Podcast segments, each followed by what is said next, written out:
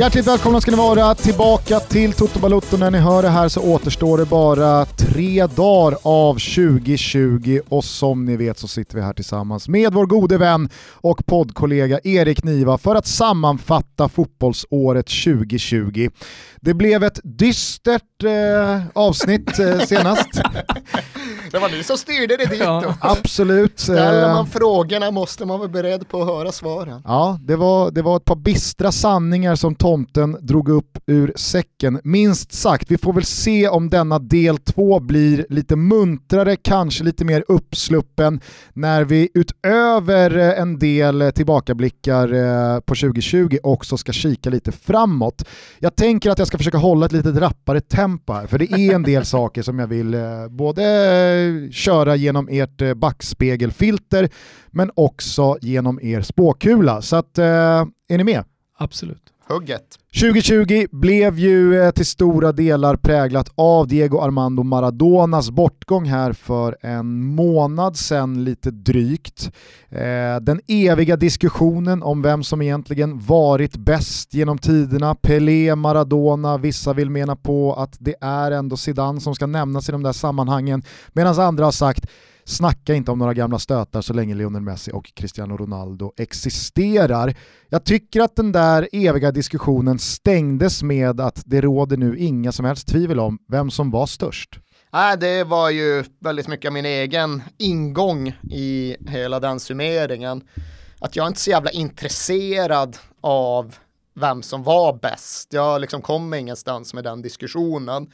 Och det är väl inte skitsvårt att koppla den till allt det där som vi avslutade första avsnittet med att ja, jag är fast vid en fotboll där titlarna är viktiga men där annat har större betydelse och just Maradonas gärning, Maradonas sociala sprängkraft är ju för mig hela grejen med honom, hans karriär och hans eftermäle. Bäst, fan vet, viktigast, 100%, störst, utan tvekan. Jag tycker det blev så tydligt för mig när jag tänkte om Pelé hade dött den där novemberdagen, hade världen stannat? Hade det varit det fullständiga liksom stoppa pressarna, landsorg dit, eh, en total och hundraprocentig liksom dedikering till att Maradona har betytt det här för mig, för det här landet, för den här världsdelen, för den här sporten. Jag vet inte. Hade Zidane eller Ronaldo eller Messi, nu kanske det hade varit... eh, Ja, men, du, du skrattar till lite, jag Jo. tror bara att Ja, men Det blev lite makabert. det är väl klart Nej, att det blir makabert om man Messi ska skulle Hade dö. Messi dött imorgon så hade då världen hajat till. Jag Det- är klart att att- världen hade hajat till, men jag men jag är, inte, jag är inte övertygad om att någon ens hade varit i närheten av den totala lamslaghet som blev. Och sen blir ju ofrånkomligen alltid jämförelsen med Pelé lite orättvis för den präglas automatiskt av att det har gått så mycket längre tid sedan Pelé var stor. Eh, Pelé, Precis som att Zidane och Messi och Ronaldo, det är liksom högaktuella eh, fotbollsprofiler på ett helt annat sätt än vad Maradona av 2020 är. Nej, men jag köper in mig på hela din distinktion och jag tror att förklaringen är just att Maradonas betydelse var så mycket vidare än att bara handla om att vinna några matcher. Han liksom gav stolthet till först ett land och sen en eh, speciell stad och region i Italien och i förlängningen till hela jävla tredje världen.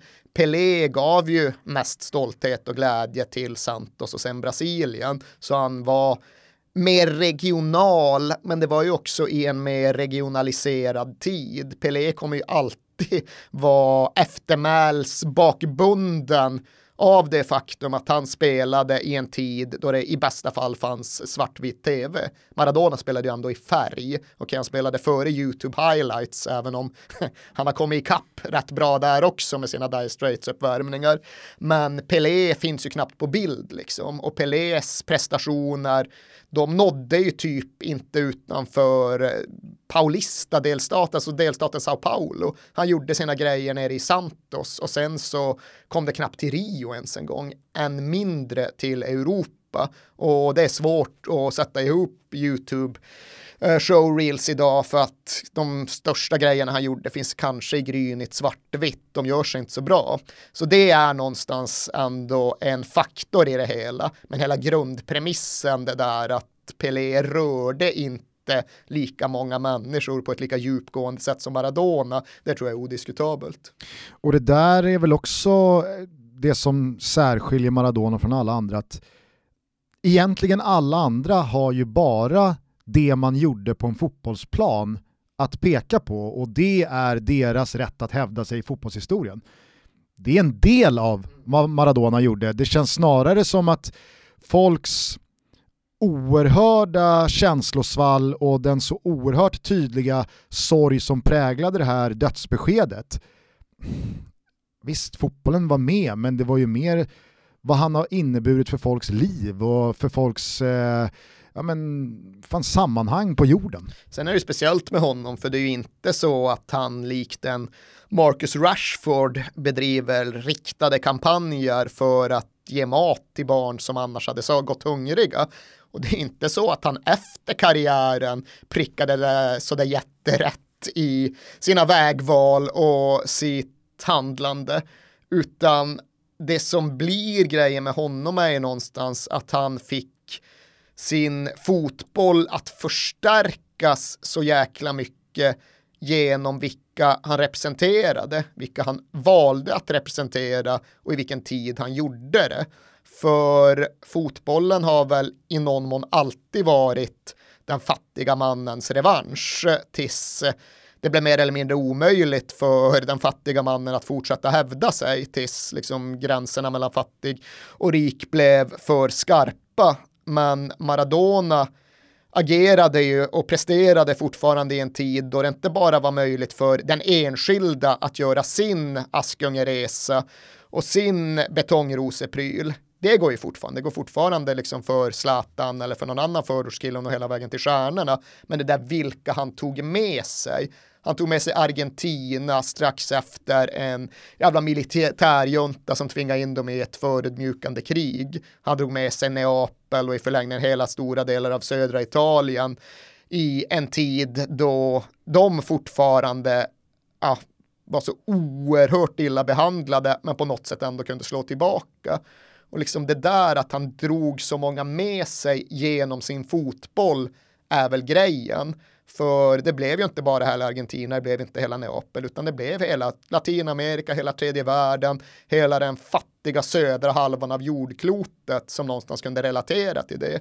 Och det var ju trots allt ändå fotbollen han gjorde det genom. Det var inte genom kampanjer eller välgörenhetsarbete, utan det var med fotboll. Men det var en fotboll som representerade vissa människor och som symboliserade vissa värden. Och den blandningen, den cocktailen gjorde liksom hans idrott mer explosiv än någonting annat. För det är väl inte bara fotbollen han var störst inom. Han är väl vår största idrottsutövare genom tiderna. Möjligen med reservation för och i konkurrens med Muhammad Ali. Mm. Annars kan jag inte se någon annan. Nej, och precis som du säger det där med att han fick med sig så många han väljer ju att göra det också för att det är under en tid där han faktiskt kan gå till andra klubbar. Alltså han väljer att spela för Napoli och spela i staden Neapel. Och eh, in, inte för att han på något sätt bedriver några kampanjer under sin karriär mot eh, någon annan, utan det blir väl bara så att han, han blir representanten för eh, de fattiga och de, eh, framför, och det, det jag går till, till södra Italien och, och Neapel. Men han förstärker ändå ganska tydligt i intervjuer och vid olika tillfällen om han har sin dotter som sjunger eh, Jove Merde eller han själv tydligt markerar mot eh, eh, de randiga lagen från norra Italien. Alltså så här, det, det, det, är ändå en kamp han gör. Han kommer ju från den det kontexten. Val, ja exakt, det, exakt, och det är ett val han, han aktivt gör också under den tiden. Och jag tror ju också att... Det har varit världens enklaste grej för honom att flytta därifrån. Ja, ja, nej men liksom bara spela för Juventus eller för Aha. Som hittade honom först i Argentina också. Ja exakt, de var väl ute efter honom i många års tid. Men mm. det var också en poäng som jag tror jag gjorde i den podd som vi spelade inom Maradona. Som jag gärna understryker och upprepar för att ifall man är en yngre lyssnare som utgår från dagens fotboll, då kan man ju inte förstå hur jävla mirakulöst det var att lyfta Napoli till en ligatitel 1987. För Napoli av idag, de är inte en miljon mil bort borta. Men Napoli 1987 eller Napoli 1985 när Maradona gick dit, de hade hållit på att åka ur. Det var ju liksom ett lag som var så långt bort ifrån de stora titlarna att det inte ens gick att tänka sig. Och det var också i en ännu mer socialt polariserad, segregerad tid vad gäller relationen mellan norra och södra Italien. Så jag tror verkligen att ska man förstå sprängkraften, då måste man på något sätt inbilla sig att det idag fanns en pankontinental superliga där de största europeiska klubbarna spelade mot de resurssvaga men röststarka klubbarna från Mellanöstern eller norra Afrika. Säg att Maradona istället för att dra till dagens PSG skulle flytta till Raja Casablanca, ett land med fattigdom, utsatthet, där egentligen den enda strömmen som går är den av båtflyktingar över havet till drömmen om något annat. Tänk att han skulle flytta dit och ge dem stolthet och resning och besegra Real Madrid, Man United, FC Bayern, PSG. Det är liksom den saken mm. som skulle göra det möjligt att jämföra.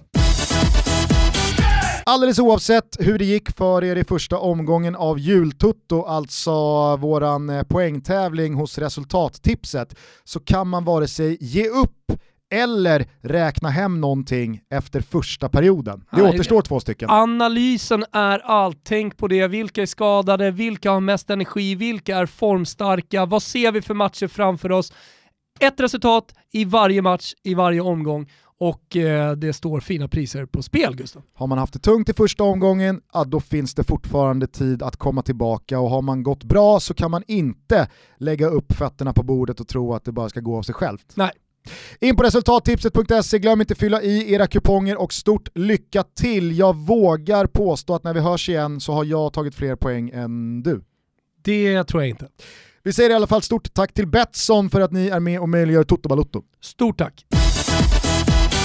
2020 var året då Bayern München återigen kravlade sig högst upp på tronen som världens bästa lag. Ja, det är ett konstaterande. Så var det. Vad säger du Thomas? Absolut.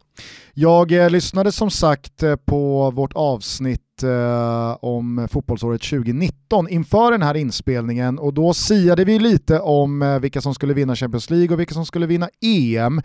Ingen pratar om Bayern München där och då, utan då är det PSG och det... PSG gick ju till final Absolut. så det var okej. Okay, men... Jag menar bara att det kändes som att Ja, men någonstans hade man ju tröttnat lite på att, att tro på Bayern München. Nej, man men... hade gjort det under så många år. Framförallt så var det väl så att om man backar ett år i tiden så hade ju Bayern München ganska länge för att vara Bayern München kört fast lite ja. med en ålderstigen spelartrupp och lite den här tron att det, det funkar ju förut, varför funkar mm. det inte fortfarande? Och man hade inget begrepp om vad fan Hansi Flick var och Nej. vad han egentligen kunde bidra med. Det kändes som någon form av interimlösning och det tror jag i alla fall färgade mitt omdöme. Så absolut, och där finns det flera olika konstateranden att göra. Dels det kring att ja, Hansi Flick visade sig vara en alldeles förträfflig alla fotbollstränare. Dels det att vissa av de ålderstigna spelarna verkligen kunde nå nya nivåer. Lewandowski blev bättre än någonsin tidigare. Neuer tog sig tillbaka till den höjd som han hade haft. Och därtill då det här med att ja, men klubbens långsiktiga planering som hade verkat på ett sätt rätt trött eller rätt konturlös var precis lika jävla FC Bayern precis som någonsin tidigare. Helt plötsligt fick Goretzka en pandemi på sig och bygga kropp och sen var han ett mittfältsmonster som saknade motstycke. Sen kom Afonso Davis och bara virvlade in från Vancouver och var typ bäst i Europa utan att man hade fattat det. Serge Gnabry, eh, ja. Kimmich, alltså det är ju liksom Kimmich hade väl vuxit fram redan för ett år sedan, men Nabri tog ju absolut, okej, okay, han, han hann göra fyra på Spurs redan 2019, men det krävdes ju något mer för att göra åtta på Barcelona. Det kändes bara som att Joshua Kimmich tog det sista steget från någon slags doldis till att folk ser på honom som en av de absolut bästa spelarna i det kanske bästa laget. Och det om något är väl att ta kliv och som du säger, Hansi Flick gick från ingen till eh, att vara liksom, den tränaren man känner att ja, det är klart man vill ha Hansi Flick. Det, jag tror det... samtidigt att är man FC Bayern vill man ha Hansi Flick. Ifall man är Manchester City så tror jag fan inte kanske man vill ha Hansi Flick. De skulle behöva Hansi Flick. ja, det är möjligt för, ja, hur är det med Guardiolas energi och låga egentligen? Men eh, ser ni eh, Bayern på något sätt eh, slarva bort det här över överskådlig framtid eller är de på toppen för att stanna ett tag? Alltså det, alla kommer dippa. Det finns inte för någon klubb den här möjligheten att bara tugga på och vara på topp över tid i alla turneringar. Real Madrid i Champions League på ett sätt ett undantag. Men FC Bayern är ju om något en klubb med lite mindre ekonomi än de allra största. Så de kommer vara thereabouts, men det är klart att de inte kommer vara där varenda säsong. De kommer inte spela Champions League-final varje år de fem nästkommande. Och de är trots allt i ett läge där de kommer fortsätta få problem med att David Alaba helt plötsligt eh, vill till en ännu större scen med ett ännu mer välbetalt gig och det kommer de bara behöva planera sig runt och det kommer innebära att något år åker de såklart ut i åttondel, något år kanske de till och med kommer tvåa i Bundesliga, men att vi kommer sitta om fem år och ha med dem som slutkandidater i Champions League även då, det tror jag ju verkligen. Ja, men sen är det ju fotbollskuppens utformande att eh, ja, man spelar två gånger 90 minuter då i Champions League, men, men det är en fotbollsmatch som man ska vinna och där kan allt hända och det är jävligt eh, jämnt i toppen, alltså man tar de åtta bästa så gäller det att vara i form vid just rätt tillfälle. Det är många gånger när man har kikat på just Pep Guardiolas lag, Bayern München absolut, men även City, när de har sett helt fantastiska ut under hösten och man har tänkt vad ska jag kunna stoppa dem? Och sen så kanske man har en liten, liten dipp om man har marginalerna emot sig i de här avgörande eh, mötena så, så, så är det kört liksom. Sen tror jag i och för sig också att den stora frågan åt FC Bayern är väl alltjämt inte riktigt besvarad. För i någon mån så är det definitivt alltjämt liksom grunderna från Oli Hönes och Rummenigge och de gubbstruttarna som detta FC Bayern har byggt på och vilat mot. Nu är alla de borta och det har ju varit garanten över årtionden. Nu ska de ersättas och vi får se Mattias Sammer och Salihamidzic och alla de i det nya toppskiktet ifall de kommer fortsätta just kunna ja, erbjuda den här framgångsgarantin som FC Bayern ändå har gjort. Det tror jag inte riktigt vi vet ännu, för de vann de här titlarna på de gamla grunderna. Nu måste de uppdateras och det är inte världens lättaste jobb. Var 2020 början på slutet för Lionel Messi? Alltså början på slutet har jag någonstans hävdat Åldersmässigt redan så, 2014, ja. men eh, Ja. Jag kommer ihåg jag och Daniel Olenklint satt och diskuterade hans brintid typ 2011-2012. Alltså den typen av spelare har ju sällan 15 år och i och med att han kom fram när han var 16 så uh, om man då har 15 års brintid som är lång, lång brintid för en spelare som är kvick och teknisk, uh, ja då borde det ta slut någonstans vid 31 och 32. Nu, nu håller han på att pusha det, men ser ju fortfarande bra ut. Så att, eh, det, det, är väl en skada, tänker jag, eh, som kanske gör att han inte kan komma tillbaka med samma snabbhet. Det man såg Ronaldinho till exempel, eh, när han, när han gick till Milan. Visserligen lyckades han spela en stor fotboll som inte var samma riviga och samma spänstiga och samma snabba fotboll som han gjorde i Barcelona, men ändå fortfarande en stor fotboll. Har Messi det i sig? Det är, det, det är svårt att se. Jag tycker ju ändå att vi har ju en helt ny tid idag, eftersom att i stort sett alla storspelare försöker och klarar av att reformera sig själva på mer eller mindre eh, heltäckande sätt. Förut så var det väl ofta så att en striker höll på tills han var 31-32 och sen så funkade det inte att vara den sortens striker längre och då lade den spelaren av. Idag har ju Cristiano Ronaldo, Zlatan Ibrahimovic, för den delen även Leo Messi redan förvandlats till andra spelare än vad de var under sina under de tidiga faserna av sin karriär. Och tycker jag liksom Messi absolut redan, han har reformerat sig. Han kommer ju aldrig bli samma spelare. Han kommer inte bli en lika bra spelare heller. Men han kommer ju kunna fortsätta prestera över flera år till. Sen just i vilken mån det skulle vara världens smartaste sak för Man City eller PSG och liksom spränga precis varenda jävla bank som fanns för att signa honom på ett fyraårskontrakt. Det går väl att dels diskutera utifrån någon form av marknadsföringskontext, men utifrån det rent idrottsliga sammanhanget är det väl inte helt jävla självklart. Men ser ni Messi bära tillbaka Barcelona till någon slags topp om man nu blir kvar där? Eller jag tror att sprickan är för, är för stor och jag tror att det blir svårt att, att ta sig tillbaka dit. Alltså, Eh, dels har han nog börjat fundera, han har definitivt eh, funderat under, under en ganska lång tid nu också, va, ja, men, vägt de olika val som finns att, eh, att ta när Barcelona inte är eh, självklart. Och det gjorde han i somras, det har han fortsatt göra, nu väntar man på det här presidentvalet.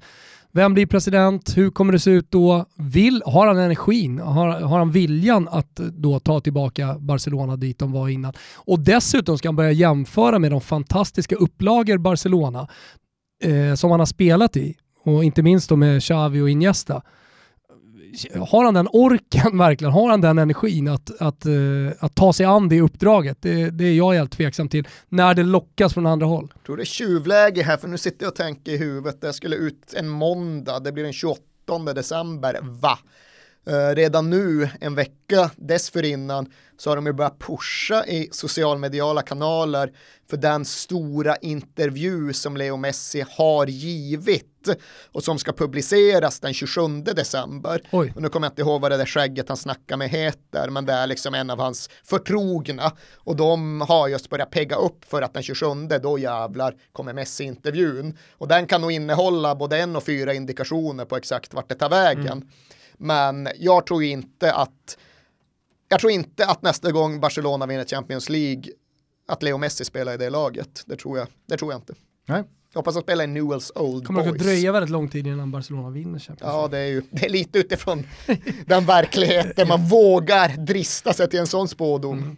2020 och eh, den där fa Cup-titeln blev slutpunkten för eh, Arsenal som topplag.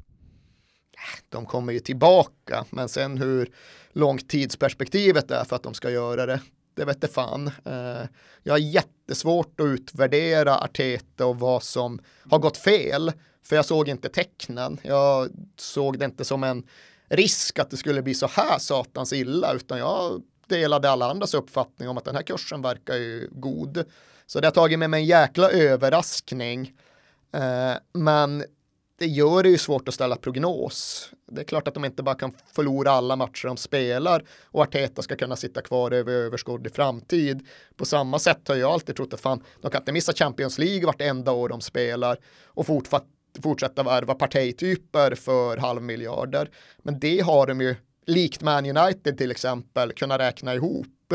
Deras värvnings förmåga, deras konkurrenskraft på transfermarknaden har inte förstört så jäkla mycket av att de har missat Champions League nu snart fem år i rad, utan de har ju kunnat fortsätta föra sig som en stor klubb även på transfermarknaden.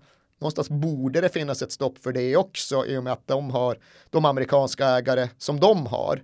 Eh, så nej, det var inte slutet på Arsenals tid som topplag, men eh, ja, det, de kommer inte topp fyra eller topp sex i ligan den här säsongen nästa gång Arsenal vinner Champions League, då, då är Leo Messi död.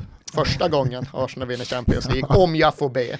Ja, absolut. Första gången Arsenal vinner Champions League, då kanske Lionel Messi inte ens lever. Eh, nej, men vi var ju inne på det för några veckor sedan, att det har ju gått så pass långt här nu att nu är inte en kvartsfinal i Champions League eller en eh, titelstrid i Premier League, det är inte ett steg tillbaka till där Arsenal var, utan nu är det nere på nivån att ta tag i bollen och dominera matchen hemma på Emirates mot ett lag som Southampton. Det är ett steg i rätt riktning, för där är inte Arsenal idag.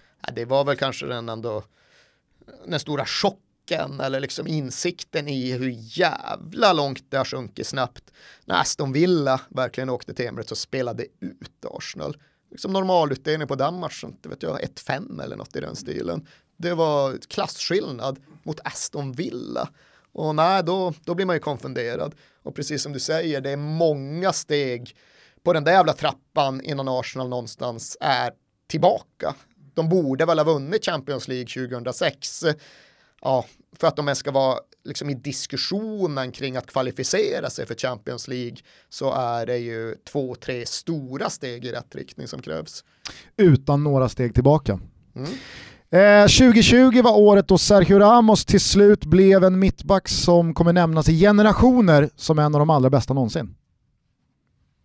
Jag har ju hävdat att han har varit det under lång tid. Ja, jag tänkte säga liksom. det också. Han har, vunnit så mycket och varit under lång tid. Du pratade om Real Madrids eh, fantastiska Champions League-tid med tre raka och eh, innan det Spanien, eh, vunnit allt. Eh, så att, eh, jag, jag, jag hävdar samma sak. Sen är det Jag säger inte att jag har fått upp ögonen för Sergio Ramos nej, nej, 2020, jag menar bara att någonting 2020 hände med hur folk... Det som hände var att Janne Andersson plötsligt höll honom som världens bästa fotbollsspelare ja. i den där the best-omröstningen. Jag, jag, jag, tror att så här, spelare som inte är offensiva, som gör poäng och, och sprutar in mål, har man kanske så här, man, man tänker inte på dem på samma sätt eh, när det gäller legendarstatus.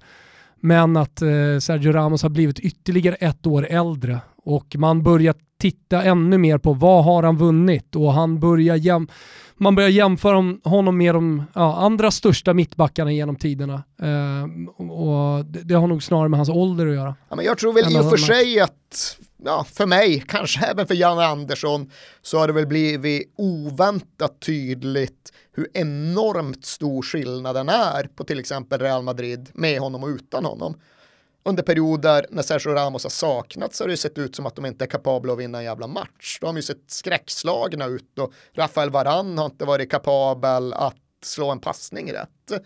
Med Sergio Ramos som någon form av ärrad piratfigur, ja då är de plötsligt Real Madrid igen. Och det är svårt att eh, förklara det genom att bara titta på hans aktioner på planen. Han är fortfarande en lite rörig mittback. Han gör sina misstag, han hamnar fel i positionerna, han är kanske väl sugen på att göra ytterligare mål framåt. Än att förhindra dem bakåt. Ja, men det är ju någonting med hans jävla aura och närvaro som jag just tycker har blivit ännu tydligare under 2020 och att det just kan påverka ett lag som Real Madrid på det sättet. Det är väl en sak ifall man är Real Valladolid och liksom kämpar på nedre halvan och har den där typen av galjonsfigur och liksom symbolspelare som verkligen lyfter hela omgivningen av unga, oerfarna, små defekta nästan-spelare. Men Real Madrid är ju liksom en trupp av fullblod där kärnan har vunnit fem Champions League mer eller mindre och ändå så tycks de helt beroende av Sergio mm. Ramos. Och att han är direkt avgörande i matcherna. Det är sällan mittbackar är det, alltså med mål. Uh, ja, nu senast gjorde han en stor brytning, det gör ju mittbackar, men just uh, målen som han gör. Men det är väl också just det att det har ju visserligen alltid gjort, men, men uh, jag tror att det har blivit ännu tydligare. Ja, nej, men jag, jag tror att det som hände i år, i alla fall för mig, och som jag tror präglar den känsla jag har kring Sergio Ramos eh, aktie globalt är att med den här ligatiteln och som du är inne på, hans otvivelaktiga betydelse i den, det var första gången Sergio Ramos utanför ett spanskt landslag som dominerade och vann tre raka titlar, men som ändå var ett Barcelona-Spanien med Xavi, Iniesta och Piqué Eh, det var väldigt mycket Iker Casillas eh, Spanien som det var Sergio Ramos Spanien. Men det Champions League-trippelvinnande Real Madrid, det var ju någonstans också Cristiano Ronaldos Real Madrid. Och så lämnar Cristiano Ronaldo, vad händer? Ja, men man brakar ut mot Ajax ganska tidigt i, eh, i turneringen. Och så fick man känslan av att utan Ronaldo så är Real Madrid någonting helt annat och någonting uppenbarligen sämre. Sergio Ramos var den spelaren som under det här året började baxa tillbaks till Real Madrid till där de hör hemma. Jag tror det ligger något i det. Jag tror i och för sig att den liksom, policyförskjutningen, eller det är fel ord, men den perceptionsförflyttningen är ännu tydligare vad gäller Karim Benzema. Att hans status har verkligen skiftat under 2020. Plötsligt står Zinedine Zidane och säger att det är den bästa franska anfallaren någonsin. Och det är ju ändå en kontext där det finns allt från Schysst Fontaine över Jean-Pierre Papin till Cantona och förhålla sig till. Thierry Henry. Ja, inte minst. Men där har liksom verkligen världens ögon på Benzema blivit annorlunda. Med Ramos tror jag väl kanske snarare att de har justerat snarare än att de har helt växlat. Men det ska bli intressant första gången någon sätter sig med Janne Andersson igen och inte bara pratar om Zlatan i Milano utan dessutom ställer frågan, men du höll Sergio Ramos som världens allra bästa spelare. Hur fan resonerar du där Janne? Det var inte det jag hade tänkt mig, det var inte det jag hade trott. Jag hoppas många av er hade stor glädje av eh, Midweek-omgången som blev till uppesittarkvällar gånger två från La Liga och Serie A. Nu är det mellandagar, det finns tid för reflektion, det finns tid för att lägga sig på sofflocket, det finns tid för Gangs of London. Det, finns det, jag har sett klart hela nu Gusten. Helvete vilken serie. Alltså, Slutbetyg? Den, uh, högt. Alltså jag håller den kanske topp 10 av serier ändå. Alltså så här, för, för det är ändå det är underhållning. Är du med? Det är tio avsnitt som bara sköljer över dig som en tsunami. Det, du, när du har sett ett avsnitt så vill du se det andra, du vill liksom ta andra, du vill äta upp andra avsnittet, så vill du bara sträckkolla en hel natt.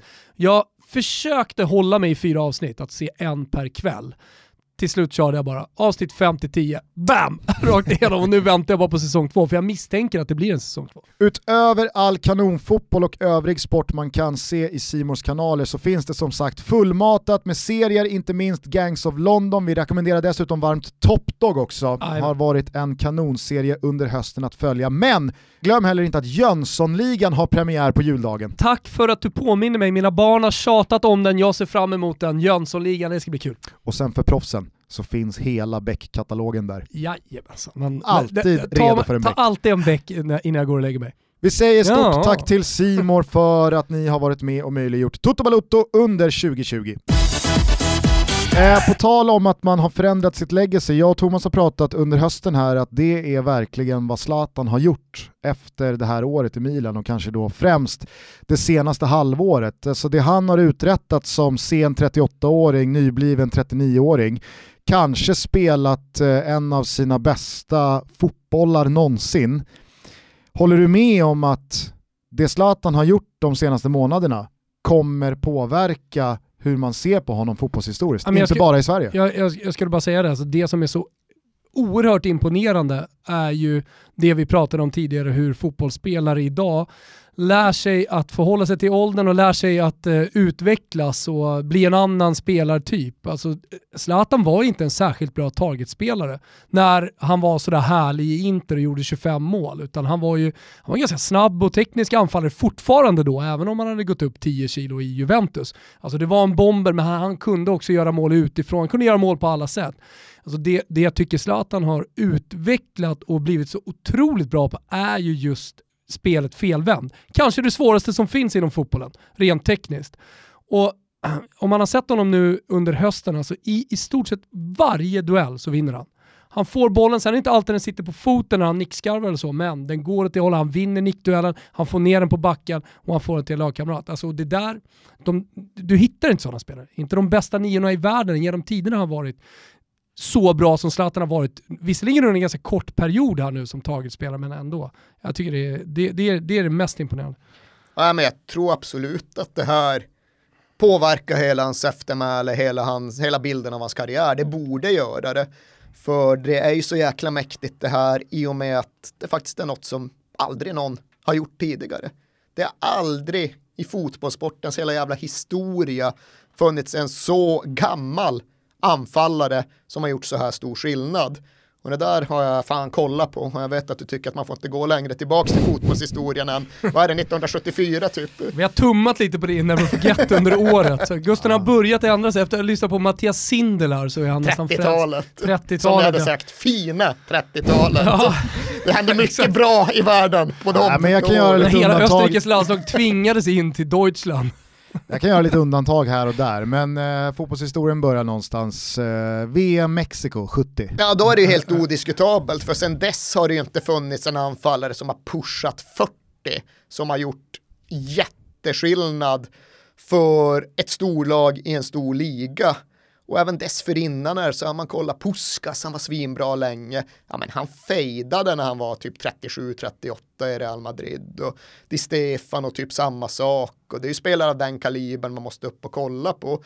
Vet du, med målrekordet i Serie A, Piola som spelade för gud vet hur länge sedan. Men det var typ samma grej, han gjorde grejen när han var 36-37. Zlatan ska fylla 40. Och det enda parallellfall man hittar, vilket är då det? Det är inte riktigt ett parallellfall, men det är det närmsta vi kommer. Romario? Nej, han var ju liksom, Nej. han var ju, gjorde knappt Köker här nu. Du vet vad jag känner mig som? Jag känner mig som eh, Håkan Håkan. i When We Were Kings. Det är en bra känsla. det är en bra känsla. Eh, parallellfallet. Kom igen, nu var inte Håkan Gusten. Nej men eh, jag tror nog ändå Jag- jag att, vill gärna eh, vara det också, Jag men- tror nog att jag får iklä mig eh, Håkan-rollen här också. Ja, det är ju lite förrädiskt eftersom att det inte är en nia, men det är en offensiv Henke. spelare, en anfallsspelare. Den Ja, men, alltså, då, då pratar du möjligtvis om Francesco Totti. Nej, det gör jag inte, för även han blev ju marginaliserad Mm. Det är ändå 37, Champions Leagues liksom. äldsta målskytt någonsin. Ja, men det är klart att han ska in i diskussionen, men jag tycker inte det är riktigt jämförbart. Utan det som är jämförbart, det är då Sir Stanley Matthews, som ju vann den allra första Ballon d'Or, när han vet fan vet hur gammal han var. Var han 46 kanske? Det vet inte jag eller gammal, Håkan.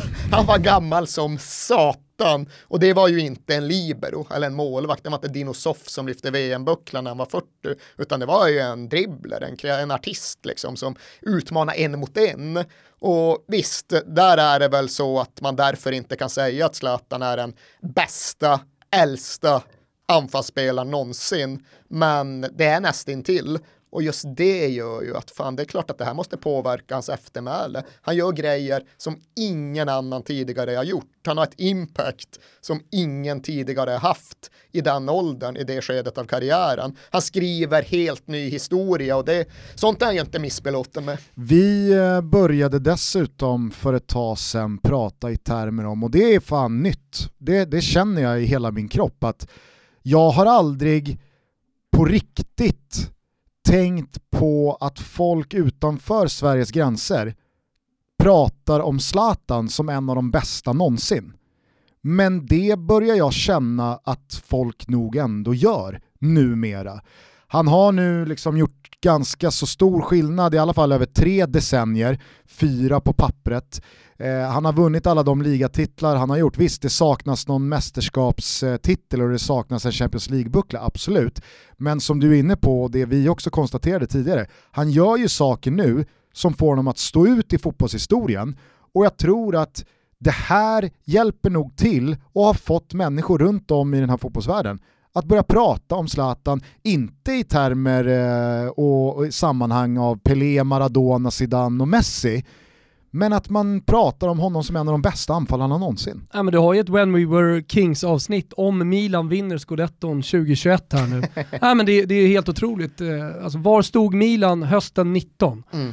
Alltså, det, var ett lag som, det, det, det var ett lag som folk, hela, hela fotbollsvärlden skrattade åt. Alltså man tittade på De Ante var Rebic, man de tittade var på ju där Chalanoglu. Arsenal är nu. Ja, Ja, de spelare- torskade väl med fem mot Atalanta för ganska Ja. prick ett Ja, år sedan. ja, och alltså Chalanoglu-typerna som ändå var i, alltså den satsningen som man hade gjort ändå för ganska stora pengar med de nya luriga ägarna. eh, dels från eh, kineserna till fonden då, men eh, på unga italienska spelare från Atalantas eh, akademi, Frank Kessie och Andrea Conti och, och, och sådär. Alltså, man, man fick inget resultat, till och med Donnarumma var dålig. Mm. Alltså världens bästa unga målvakt som bara skulle ta över efter Buffon i det italienska landslaget.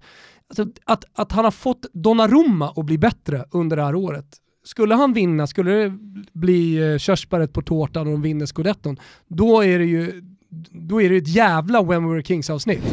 Det är Ja, det så minsta vi kan säga. Det är, är helt det är sin, det, är, det, men det är helt sinnessjukt hur alla har blivit så mycket bättre. Alla, vi, är vi har sagt det, på hur stort är krönikörer för skriver... Nej, de säger Var det ett krönikör... jävla When We Were Kings avsnitt? Ja, men jag tror det. Bode Men- Glimt, tror du folk har tjatat om det eller? Ja, jag kan tänka mig. Guys och Bode Glimt, det är de som man tjatar mest om. Nej men eh, all, alla pratar om det, alla, eh, alla har skrivit om det, alla krönikörer har tagit upp det un, under det här året. Ja men gud vad mycket bättre alla blir under Zlatan. Alltså, det, det, det, det, det är på en ny nivå. Mm. Och också just det här att, ja men kolla nu, de kan minsann slå Sassuolo utan Zlatan, men det är ju för att han har höjt ribban och förflyttat hela gruppen. Samma spelare mot Sassuolo för ett år sedan hade ju torskat den matchen. Ja, Och att de nu kan vinna även utan Ibrahimovic, det är ju ett kvitto till hur jävla mycket han med egen personlighet och med egen kravställan och med egen jävla mental kraft har flyttat hela omklädningsrummet. För det hade de ju inte klarat själva. Det är inte så att de hade lyckats ta de här kliven, vare sig som individer eller som grupp, ifall inte han kom och fan baxade dem med sig. Så det är ju ett jävla kvitto till honom det också, att de faktiskt kan vinna en del trixiga matcher när han saknas. För nu börjar liksom gruppen sätta sig tack vare hans jävla jobb med det. Och det är dessutom eh, Serie A, visserligen med Pirlo som ny coach, aldrig tränat förut och det, det är väl inte det bästa Juventus man har sett, men det är fortfarande ett jävligt bra Juventus och det börjar, börjar sätta sig under Pirlo. Och så har du ett Inter som har storsatsat de senaste två åren, som köper ja, men, lika mycket som de största Premier League-klubbarna under transfermarknaden. Så att, jag menar, det, det, det är inte ett Serie A på total deke som det var för några år sedan, som Milan leder just nu. Nej, det vore... Eller de kanske inte leder när vi, när vi spelar in det här, för de har Lazio och eh, Sassuolo höll jag på att säga, men uh, Inter har väl Verona borta. Nej, det borde bli en episk Serie A-vår. Det finns det ju alla förutsättningar för ifall vi gör den där lilla pandemireservationen. Mm. Men eh, du håller med oss i att folk nog kanske har börjat prata om Zlatan ur ett fotbollshistoriskt perspektiv på ett annat sätt. Det låter rimligt, nu är det så jävla deppigt att man inte har kunnat röra sig utanför Sveriges gränser på hela jävla landet så jag har inte varit ute och tagit så jävla mycket puls på folket i Honduras, tyvärr. Men det verkar rimligt, det borde vara på det sättet. Sen är det ju för lite intressant, jag har ju alltid mässat om det i alla fall 15 år, att Zlatan Ibrahimovic är världens genom tiderna mest berömda svensk utifrån ett globalt perspektiv. Liksom Björn Borg de spelar inte tennis i särskilt stora delar av världen. Don't get me started on utförsåkning. Men inte så är Alfred Nobel eller något har ju kommit i närheten av Zlatans globala genomslagskraft. Du kan ta era Wallenbergs och Hammarskjölds och inte ens det räcker. Men nu kommer ju Greta Thunberg with a jävla bullet. Mm. Så får vi se hur eh, uthållig hennes eh, tid i rampljuset blir. Vet du vilken italiensk stad han är stor, Alfred Nobel? Nej. I San Remo.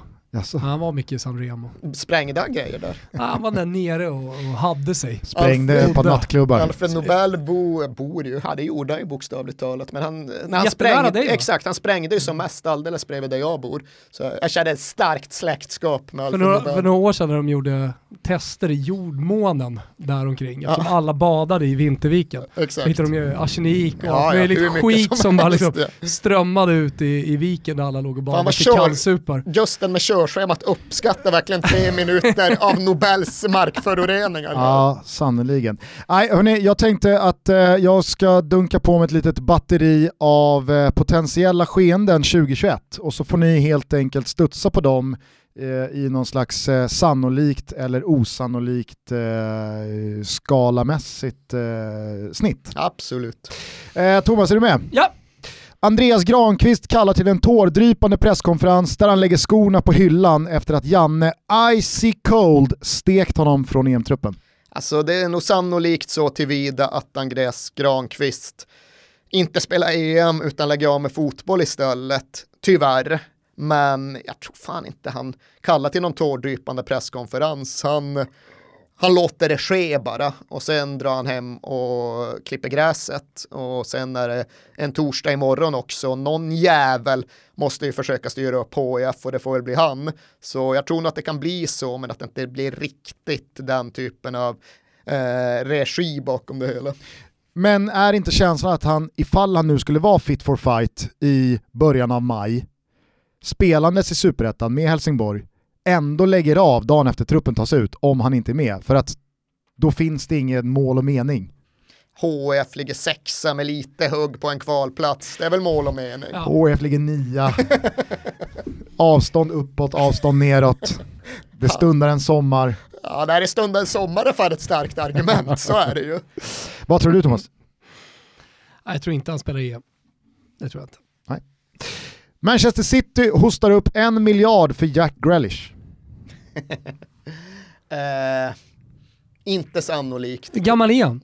Han är äldre än man tror, han är 25 tror jag. Ja. Men jag tror i och för sig att, jag tror att det är mer sannolikt att Man United gör det. Det är mer typen av deras profil på värvning än det har varit Man Citys. Sen är jag långt ifrån säker på att Pep Guardiola sitter där nästa säsong, nysignerat kontrakt eller ej. Men det sa jag definitivt för ett år sedan också. Jag har liksom känt att han har varit på glid ut i 18 månader redan, så fan vet. Men nej, jag tror inte att Grealish går till just Man City, men jag tror att ifall någon klubb ska lösa honom så är det ju miljardbeloppen som de nästan måste upp och snudda på. Jack, Jack Grealish med de nerhasade strumporna, inspirerad av Maradona, omtumlad och eh, känslosam av det som hände med Maradona, åker ner till eh, den italienska södern, till Neapel och så vinner han scudetton! Ja. Det vore fan Maradonas så jävla mäktigt. moraliska Men han har ju och faktiska en... arvtagare, Jack Det blev Jack Grealish. Men eh, han har ju en, han har en plats i eh, södra Italien, det har han. Jag tror de är Chris Waddelskt nerhasade de där trumporna. Ja, det, Nej, det är de fan, Jack Grealish är för ung för Chris Waddle. Ja. Schalke 04 får någonting... Eh, det, han, han, jag tror han är inspirerad av Totti. Har han sagt det någon gång? Inte vad jag har sett. Nej, men jag tror han är det. Han är ju Villa to the core, så han är väl inspirerad av någon saggig jävla 90-talsspelare i Aston Villa. Tony Fast, Dale. Eller liksom. kan det vara, hade inte Angel lite nerhasade strumpor?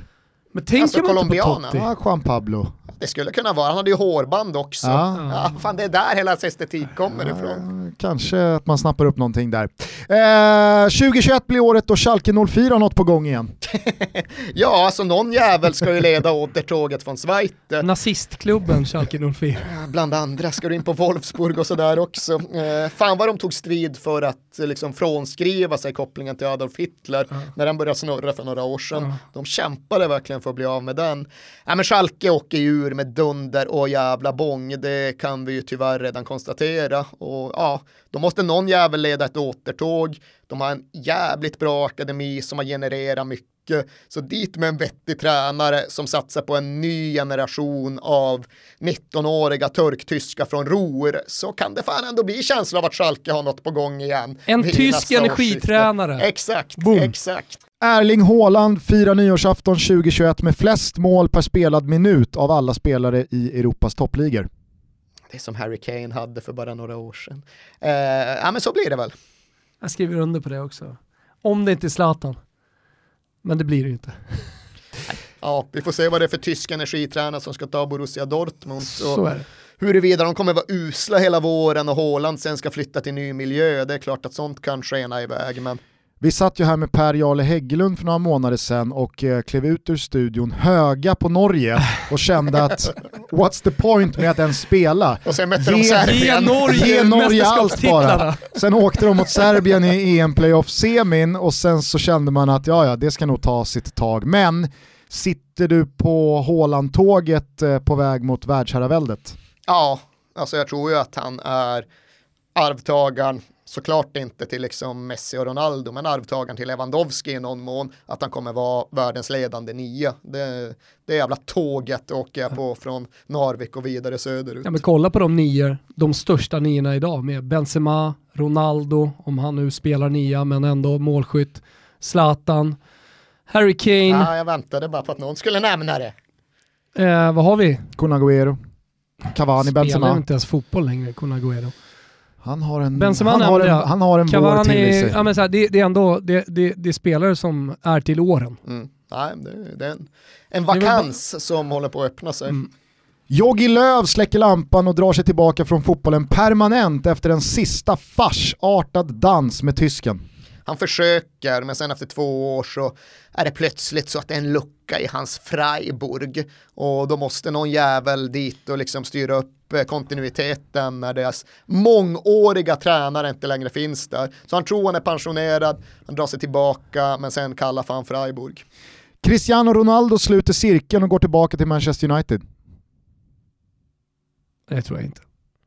Ja, Släng in Paul Pogba i någon slags bytesaffär där det har ju funnits vissa sådana indikationer och liksom påståenden om att det ska vara Adidas-drivet och allting, men jag har ju också svårt att se att de skulle kunna räkna ihop det. Det är ju mer liksom Dybala och Bernadeschi mm. bytesaffär som nämns, men alltså grejen är att jag, det är inte så att jag avfärdar det med 595, det är väl 25-75, liksom det, det, är inte helt taget ur uh, fantasin. Så Juventus och lura på, energi håller på att flytta. Så Juventus och lura på Woodward Bernadeschi. ja, ja, ja. Ta Federico. Jaha, ser bra ut. Eh, du skulle säga någonting? Nej, jag, jag skulle bara säga det att det, det, tar energi att hålla på och flytta och byta klubbar och sånt där också. Och han, han har bytt till Real Madrid och nu har han bytt till Juventus så håller han på med dem. Man går igång lite på det, det tror ja. jag ändå. Och det är klart mm. att det finns en lockelse att vara, för jag tror inte Man United kommer kännas en miljon mil bort. De får in en vettig mittback och kompletterar truppen ytterligare lite. Spelar ju givetvis Champions League eh, igen 21-22. Ja det tror jag, det tror jag. Och nej, det är som sagt det är inte helt jävla Det som kommer stoppa det är, är det nyfunna samarbetet med Dejan Kulusevski. De trivs så bra ihop så han kommer att hålla presskonferens 2021 och säga det var jävligt nära jag valde Manchester United men det blev till slut, valet föll på Juventus för att jag har perfekt samarbete med, med Kulusevski. Petar Kisvalodi sitter med på PK. Kisvalodi sitter med. I Malmö så kan man fira SM-guldet så tidigt som under kräftskiveperioden. När fan är kräftskiveperioden? Frågan, augusti. frågan vegetarianerna ställer sig. Augusti. Finns det finns västerbottenost eh, och, och paj man kan äta? Jag är inte så jävla säker på MFF nästa år, det är jag faktiskt inte. Eh, det är klart att de alltid kommer ha utgångstipset som etta, men här helt innan liksom hela värvningsbiten har satt sig så är jag inte liksom jag är inte fylld av den där känslan av att Jondal bara utvecklar, utvecklar, utvecklar, bygger, bygger, bygger, de blir bättre, bättre, bättre. Så nej, inte fan blir det kräftskiveguld, inte det blir det inte. Vad säger Thomas? Nej, det tror inte jag heller. Allsvenskan är för jämn. Det kommer, nästa år kommer det hända mycket. Det kommer komma tillbaka publik på arenan om än inte fullsatt. Eh, det här har vi diskuterat. Men eh, nej, jag, jag, jag, jag tror på andra lag. Men det är också att sitta här nu i december innan allsvenskan klubbarna börjar. Det blir Jonas Dahlqvist på Twitter där och, och tippa allsvenskan. Det var kul, han fick sig en känga eh, även i förra årets sånt här avsnitt. Jo men han vet att det ska... När det kom till allsvenska tips i november. Jo, det är så roligt för... Det är våra jultradition, grevinnan och betjänten snubblar på sitt jävla tigerhuvud, vi jabbar liksom Dahlqvist i ryggen. Ja. Dahlqvists eh, sympatier för Sheffield United, de kan fan synas ja, i sömmarna. Eller hur? Ja, det ska de. Verkligen, det är de där eh, magneterna han har på kylskåpet. Det är inte så att Dahlqvist... Kolla, jag, jag följer Sheffield United genom att flytta tabell, tabellen med magneterna. Dahlqvist lider inte sig igenom hösten när Sheffield United hackar. Nej. Dahlqvist visslar vidare ganska glatt ändå. Ja.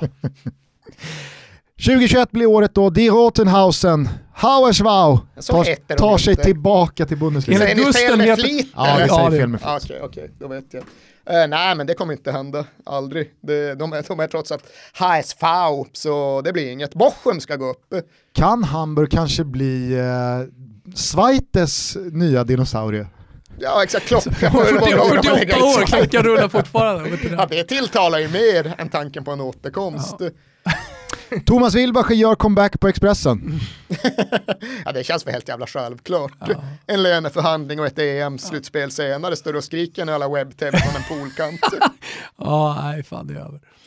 VAR och hans-regeln blir vare sig ett dugg bättre eller rimligare. Jag tycker faktiskt att hans tolkningen redan har blivit lite rimligare sett till hur jävla total katastrofalt det var i början av säsongen. Så jag tror att det kommer bli några hack bättre på rimlighetsskalan vad gäller båda dessa företeelser. Men det räddar ju inte upp liksom totalkalkylen för det. Nej men alltså skadan som tyvärr har skett går ju inte att reparera. Jag som kollar på mycket ungdomsfotboll, alltså där, där står ju tränare och föräldrar och skriker bollen bara nuddar vid ett lillfinger i, i straffområdet fast liksom boll, eh, handen är eh, intill kroppen. Så det är en enorm skada allt detta. Är det mycket 13-åringar som går omkull och gör VAR-tecknet, TV-tecknet? Det händer. Det händer. Det glädjer mig någonstans. Ja, ja, Bakvänt nog så glädjer det mig. Faktiskt. Dejan Kulusevski lyckas med bedriften att starta en Champions League-final och petas i en EM-premiär med bara lite drygt tio dagars mellanrum. Nej, men så här, jag tror att möjligheten att starta en Champions League-final finns definitivt och just det här nyfun nyfunna, jag vet inte hur nyfunnet det är, men samarbetet med Cristiano Ronaldo, nu gjorde han ju precis comeback, så man har det comeback. Han gjorde comeback i startelvan, som man har i färskt i minnet. Och målprotokollet, eh, som man har i färskt i minnet, och så det är lätt att tala om. Men eh, jag, jag, tror att Juventus har chans att gå till Champions League-final och jag är helt övertygad om att eh, Dejan Kulusevski skadefri kommer att starta den. Men däremot så tror jag inte Janne kommer hålla honom utanför startelvan. Men det, det, det, är inte en hypotes Spanien, som är... Spanien i premiären, Sebbe Larsson är fit for fight. Det, det, det, är liksom inte, det är inte 5,95 här utan den, det är snarare 30-70. Ja, nej, jag tror också Kulusevski startar för Sveriges första EM-match, men det är fan Gustav Svensson mål i MLS-semin, det går inte bara att ruska av sig. Eh, nej, men han, han startar första EM-matchen, det gör han. Går han till Champions League-final då? Nej, det gör han inte. Erik Niva dyker upp i eh, sponsegmentet i ett When We Were Kings avsnitt. alltså grund, den grundprincipiella hållningen den är att det vi. inte kommer att ske, men det, man ska aldrig utesluta ett undantag. Det är nya tider där ute. Patrik Sjöberg och hans podcast Fyller Globen och årets rövhatt Thomas Wilbacher gästar. Var inte den nedlagd? Jo, jo, de har lagt ner. Ja, de har lagt ner. om, man, om man släpper på här post-corona när det går att tjäna sig en hacka så är det väl klart att någon tutar i Sjöberg att ska vi inte boka Globen? Men ni har väl ändå följt det där i någorlunda detalj, ni verkade engagera er mycket. Jag vill veta mer om Sjöbergs liksom partner, den duden. Han var med i, Han hette typ Guldtand. Ja, ja, sånt var han, det. och han var med i någon sån här dokusåpa nere från uh, Galne Gunnar, eller vad heter uh, Ull, Ull, uh, dit alla åker och shoppar. Ullared. Ullared. Jag tror han var en profil där. Ja, alltså i den Ja, Ullareds-grejen. ja, jag tror det. Jag lyssnade i alla fall bara in mig Som på Sjöbergs så- podd eh, när då Glenn Hussein gästade och Patrik Sjöberg Kimpa utsåg Thomas. Wilbacher till veckans rövhatt. Jag var inne och kollade faktiskt, jag fick ett meddelande att vi eh, har blivit kritiserade redan innan vi släppte någon, något avsnitt. Av en självutnämnd expert också. Det är det som är så jävla skönt att man har en egen podd, för man kan välja precis vem som helst som man vill ja, gå på. Och det tänkte jag göra nu faktiskt. En självutnämnd fotbollsexpert faktiskt. Eh, eh, självutnämnd Italien-kännare. Och dessutom, bararam, han har jobbat för Eurosport. Eurosport är ju liksom en sån kanal, finns den ens? Ja, jag känner inte igen längre. Alltså jag kommer ju, alltså när man är i öststat, forna öststaterna så brukar det vara eh, i Eurosport 1 och 2, då visar de eh, dart och sådana grejer. Eller eh, polsk, eh, någon sån här division 3-match, eh, Gdansk mot något annat jävla lag. Men där har han jobbat och det, jag tänkte fråga vår gäst här då, i och med att den här snubben är Italienkännare, fotbollskännare då. Thomas Wilbacher. Jag känner till namnet. Inte han någon sk- skribent någonting på Expressen eller GT eller, vad fan, Ja. eller, eller Aftonbladet. Jag ser, fan. Och nu eh, välkomnar vi då Glenn Hussein. Ja, tack så mycket. Sen har han ju då varit på Alex här med. Eh, Jag menar på då, jag har hävdat att vi, Alex, vem? Alex är ju... Ja, ja, ja förlåt. Nej, jag trodde det var jag. Jag tänkte Ja, han, någon annan. han har inte ett riktigt namn också, Guldtand. Nu säger ju Thomas Wilbacher här då på Twitter att eh, Sjöberg säljer ju inte ut O'Learys i Södertälje. Mark my words. Fan vad fräckt. Eh, jag vet inte, är det, är det roligt eller är det något, har han någonting emot Södertälje? Är det till och med rasistiskt? Men eh, det är det som är så jävla skönt man har sin egen podd. Va? Eh, man kan ju utnämna då veckans rövhatt och det väljer jag att eh, Thomas Wilbacher, nu vill jag gärna se, han sitter på Söder där på Retrobar och liksom dricker någon jävla hemmaodlad öl och är så jävla svår. Jag ser att han är på väg att bli flint också, det är nog därför han är så jävla kaxig och så jävla aggressiv. Men Thomas, kör på nu ordentligt och skriv så folk fattar så blir det roligare faktiskt. Jag kan en bra historia om en flint. Vad är det? Det var en flintskallig och en med hemorrojder. Det trodde Och- jag och inte är det så 1987 när han tog världsrekord och jag stod och hoppade. Var det 87 eller 86? Ja, 87. 87. Och jag stod och hoppade i hade Glenn soffan. Hysén några synpunkter på denna utnämning? Eh, Ja. Nej, nej, absolut inte. Men, Jo men han, jo, men han sa ju det, han kommenterade det ju. Ja, men förmodligen, alltså så här, Ja, han med hade inga liksom- åsikter, ja, ja. det var inte känslosamt. Det är klart att det är veckans rövat. He rode with it. Men det som var roligt var att det, det blir så tydligt när man lyssnar på de där första tio minuterna att Glenn Hysén har ju ingen aning om vem Sjöbergs parhäst är. För när Patrik Sjöberg då pratar om den här killen med namn så hör man att Hysén förstår inte alls vem man pratar med men han spelar bara med som att ja, ja, snart ger väl sig det här. Varför pratar vi om den här personen fortfarande?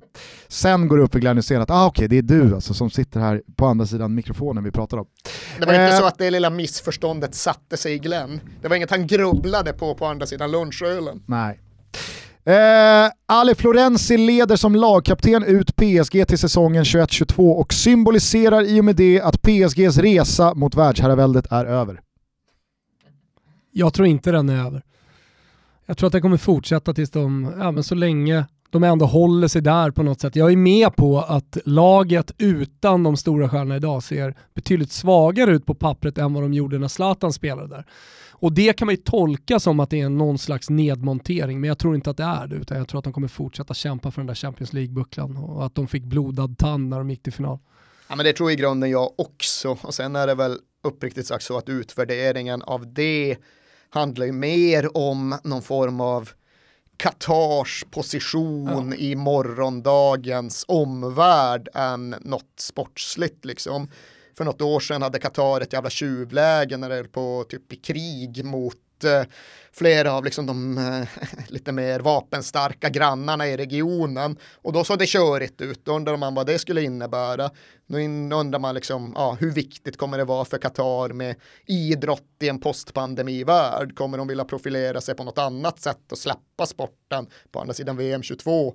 Fan vet, men det är liksom den typen av analyser som man måste landa i ifall man funderar på PSG 2028.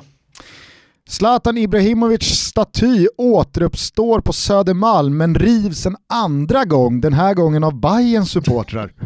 Alltså det är ju det är 40-60 läge på den, åt vilket håll du än kalkylerar. Men det är väl fattat beslut på att den ska stå i Malmö, så därför blir det lite trist nog så att jag tror den ligger i träda, de kör någon form av realpolitisk variant där den får ligga i träda tills saker och ting har lugnat sig lite, tills Zlatans eventuella spel i en annan allsvensk förening inte längre är aktuellt. Och sen smäller de väl upp den på en lite mer neutral plats i Malmö om säg fem år. Det är vad jag tror kommer hända. Men jag avfärdar fan inte den där Jag varianten. avfärdar heller inte att den kidnappas från Malmö, tas upp till Södermalm och där rivs. är det samma personer som står för kidnappningen, transporten och rivningen då? Eller är det olika falanger? Jag tror att det är olika falanger. Eh, jag vet inte om det på något sätt berördes men redigerades bort eh, i eh, Guldbollen-intervjun där. men pratade ni mer om just det där? Hur det där tog på honom och vad han känner och tänker kring det idag? Ja, det togs upp och det ställdes någon följdfråga på det, men trots att Zlatan hade tid med 15-20 minuters chitchat så fanns det inte proportionerligt mycket tid kvar till hela den allsvenska diskussionen på slutet. Så det fanns en fråga eller två om statyn och situationen runt den och det han landade i där någonstans var ju att Först vill han bara avfärda det, sen går han med på att ja, det tog på honom, men det det sen ledde till var ju bara en ökad hunger och en större vilja att faktiskt göra något för Hammarby och mot Malmö. Och förmodligen är det väl det som han har landat i. Sen är det klart att det skulle gå, det skulle vara intressant att hinna med en större diskussion om ifall han verkligen inte såg det komma, ifall han någonstans kan förstå reaktionerna, ifall det finns någonting i hans sätt att kommunicera och välja att agera i det här skedet som går att problematisera. Men ja, det, det dödade chitchattet med Zlatan om den svenska podcastmarknaden det var länge sedan jag tänkte på det här, men fan vad sjukt det är att, att Zlatan äger en stor del av Hammarby. Mm. Ja, det, det var inte så jävla länge sedan jag tänkte på det, men det är jävligt anmärkningsvärt, absolut. Ja, det, det, var ju faktiskt ett par helt sanslösa veckor där eh, tidig sommar när Zlatan sprang runt nere på Årsta med eh, Vladimir Rodic och resten av Fantastic Four. Och liveintervjuer från träningsmatchen och allt vad det nu var. Och Jesper Jansson började kränga mörs. Alla ska vi den vägen vandra. Eh, Peter Hunt, Robert Laul och Thomas Wilbacher åker iväg på en grabbhelg ihop. Det känns klart redan, redan alltså. bokat. Det hade det inte varit pandemi hade det redan skett. Så är det. Cesare Prandelli vinner en fotbollsmatch som tränare för Fiorentina. Det är tveksamt. ja. Vladimir Rodic gifter sig och Zlatan sitter vid honnörsbordet. Eventuellt är en morbror vid namn Goran förpassad ut bland pöbeln. 50-50.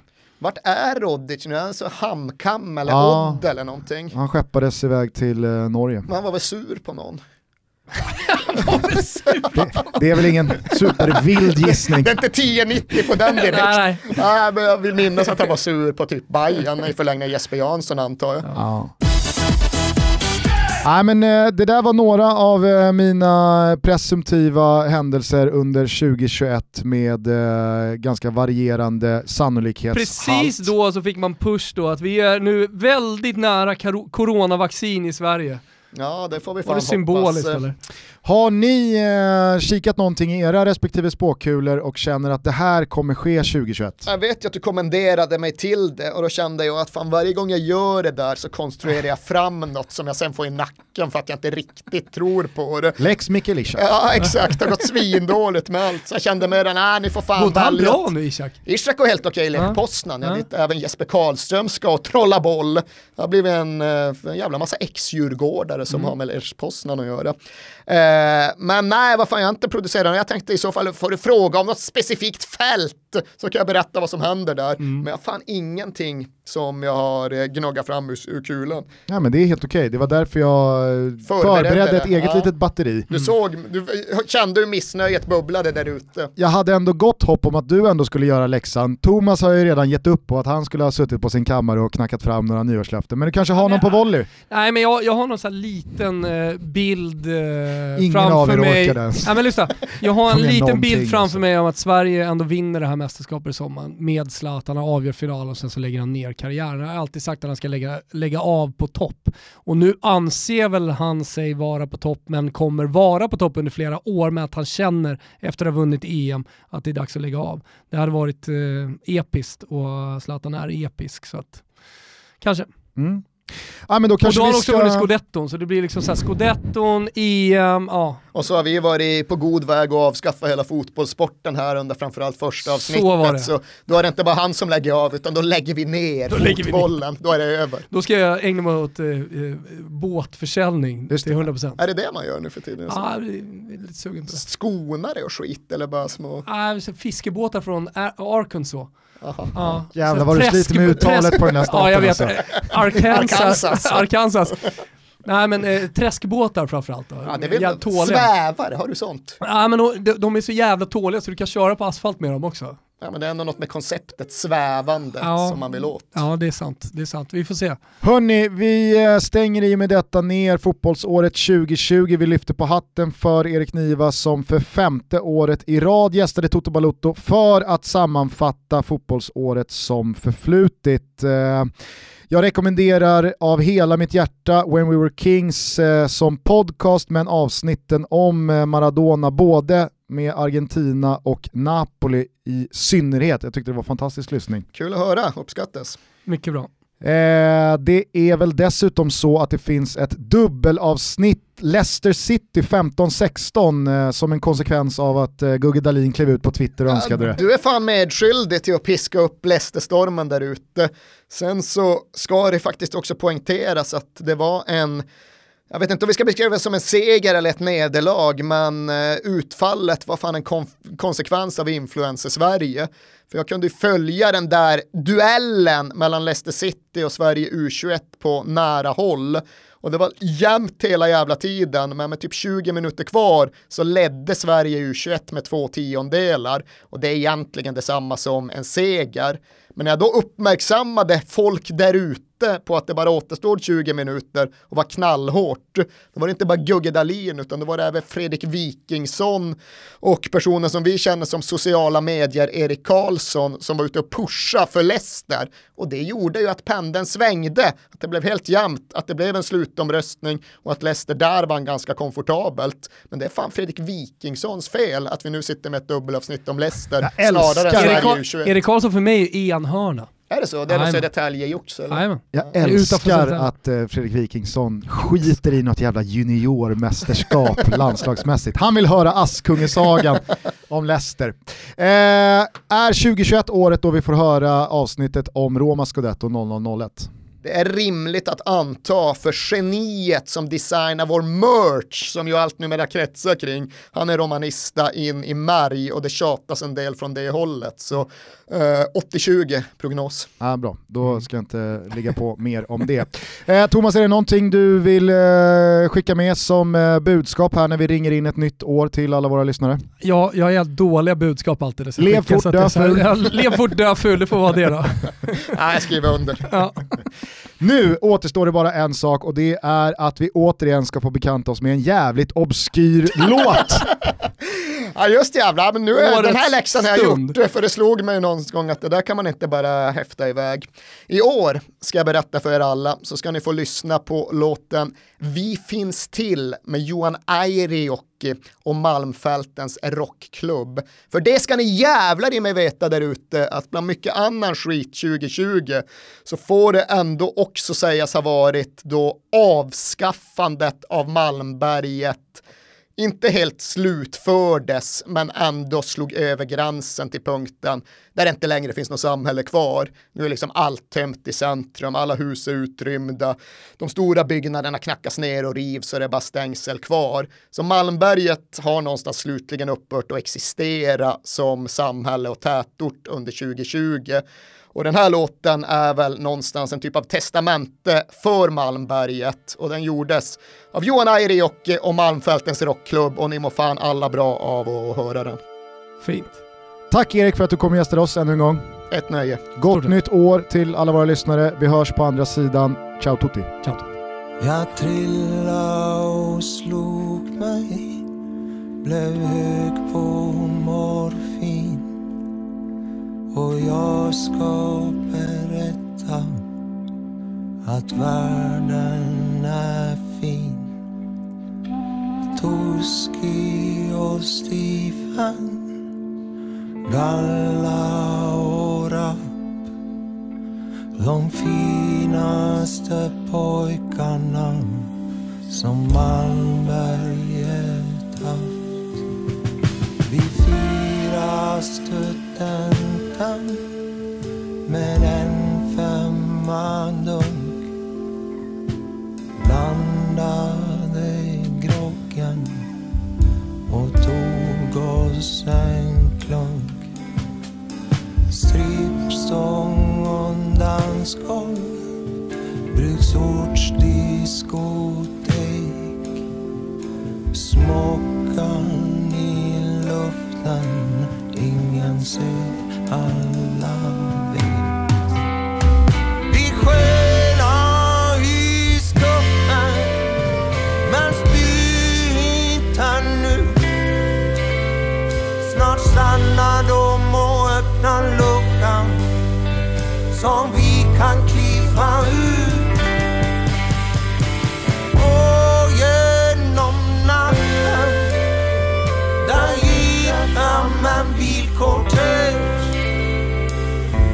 sun's slow.